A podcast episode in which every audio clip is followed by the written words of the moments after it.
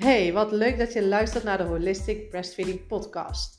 Ik ben Carla en als holistisch borstvoedingscoach is het mijn missie om vrouwen te helpen naar meer rust en vertrouwen in borstvoeding.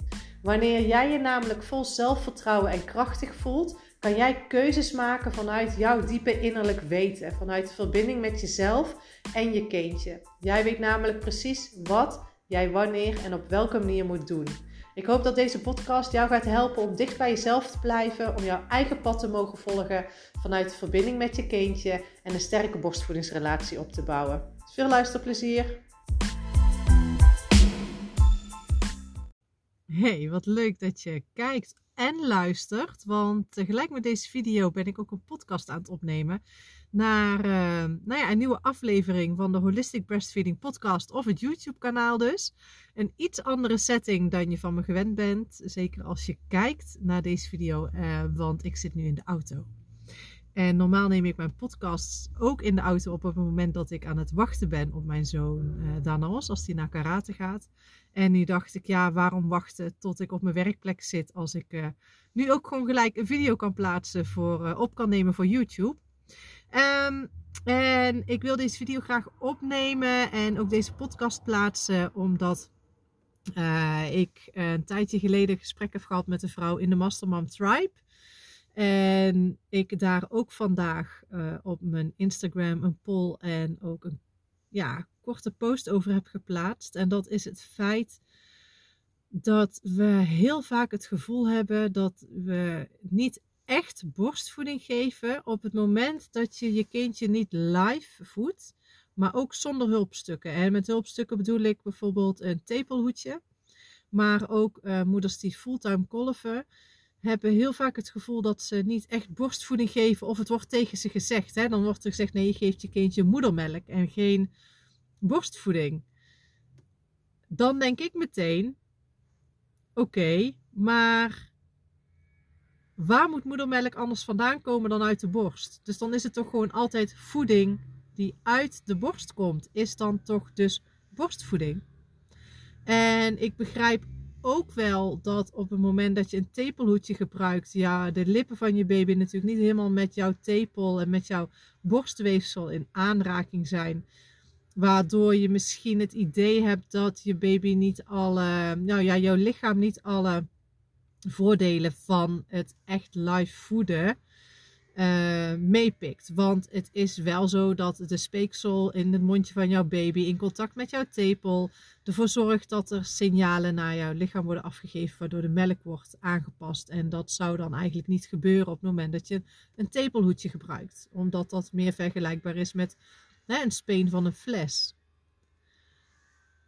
Alleen dan nog krijgt jouw baby wel melk uit jouw borst. Dus is het nog steeds borstvoeding. En ook die sensoren die getriggerd worden om dus te weten wat, jouw, wat jouw baby nodig heeft. Hè? Jouw lichaam uh, door het speeksel van je baby merkt welke uh, afweerstoffen, welke immuunboost zeg maar, jouw babytje moet gaan krijgen.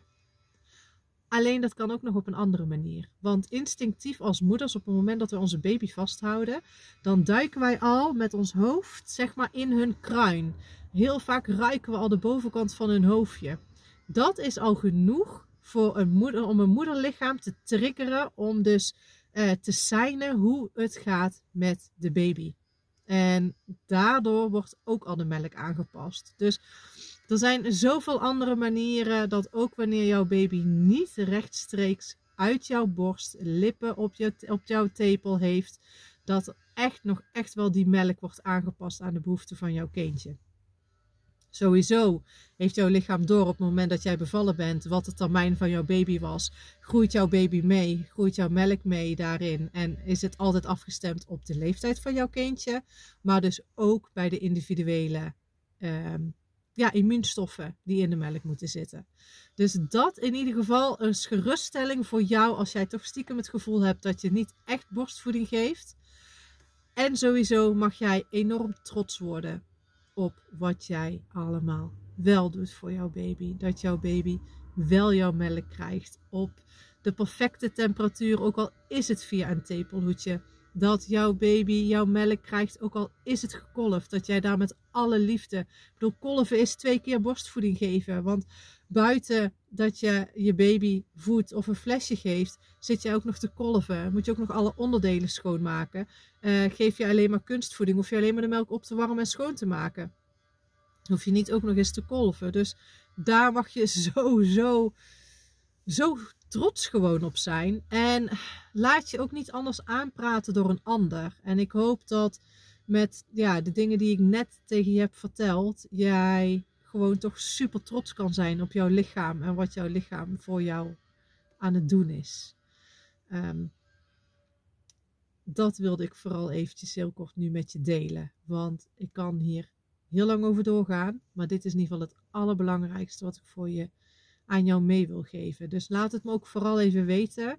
Als jij um, hierdoor getriggerd wordt, um, misschien um, zet het je, ja, hoe noem je het? Maakt het je wakker dat je zegt van wauw, ja, precies, ik mag super trots op mezelf zijn. En je niet gaan vergelijken met alle andere moeders, waarbij het ogenschijnlijk allemaal wel perfect gaat. Want hun reis hun manier en jouw reis, jouw manier. En dit is hoe het nu werkt voor jou. En dat wil niet zeggen dat, het, je baby nooit meer helemaal bij, live bij je kan drinken.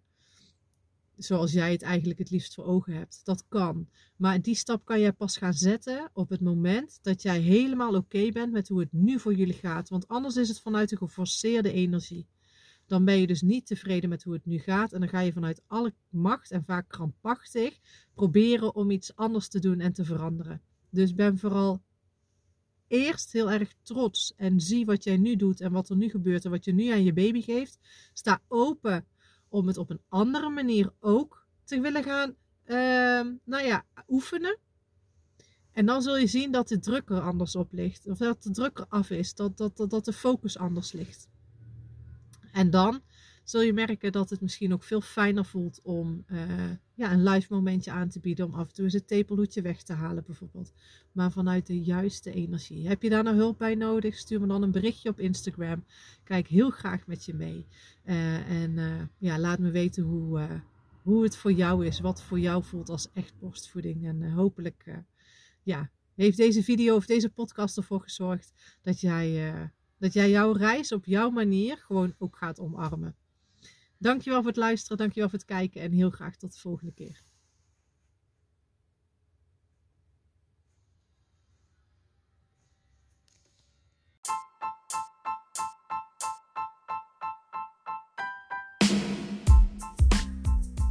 Nou, wat leuk dat je hebt geluisterd naar deze aflevering. Ik hoop dat het je heeft geïnspireerd om weer lekker dicht bij jezelf te blijven, om je eigen pad te mogen volgen. Misschien heeft het je een stapje dichter bij je eigen gevoel weer gebracht. Laat me weten als je vragen hebt of als je nog iets anders wil weten naar aanleiding van deze aflevering. Neem dan contact met me op op Instagram op Carla Holistic Breastfeeding. Ik wens je een super fijne dag en nogmaals bedankt voor het luisteren.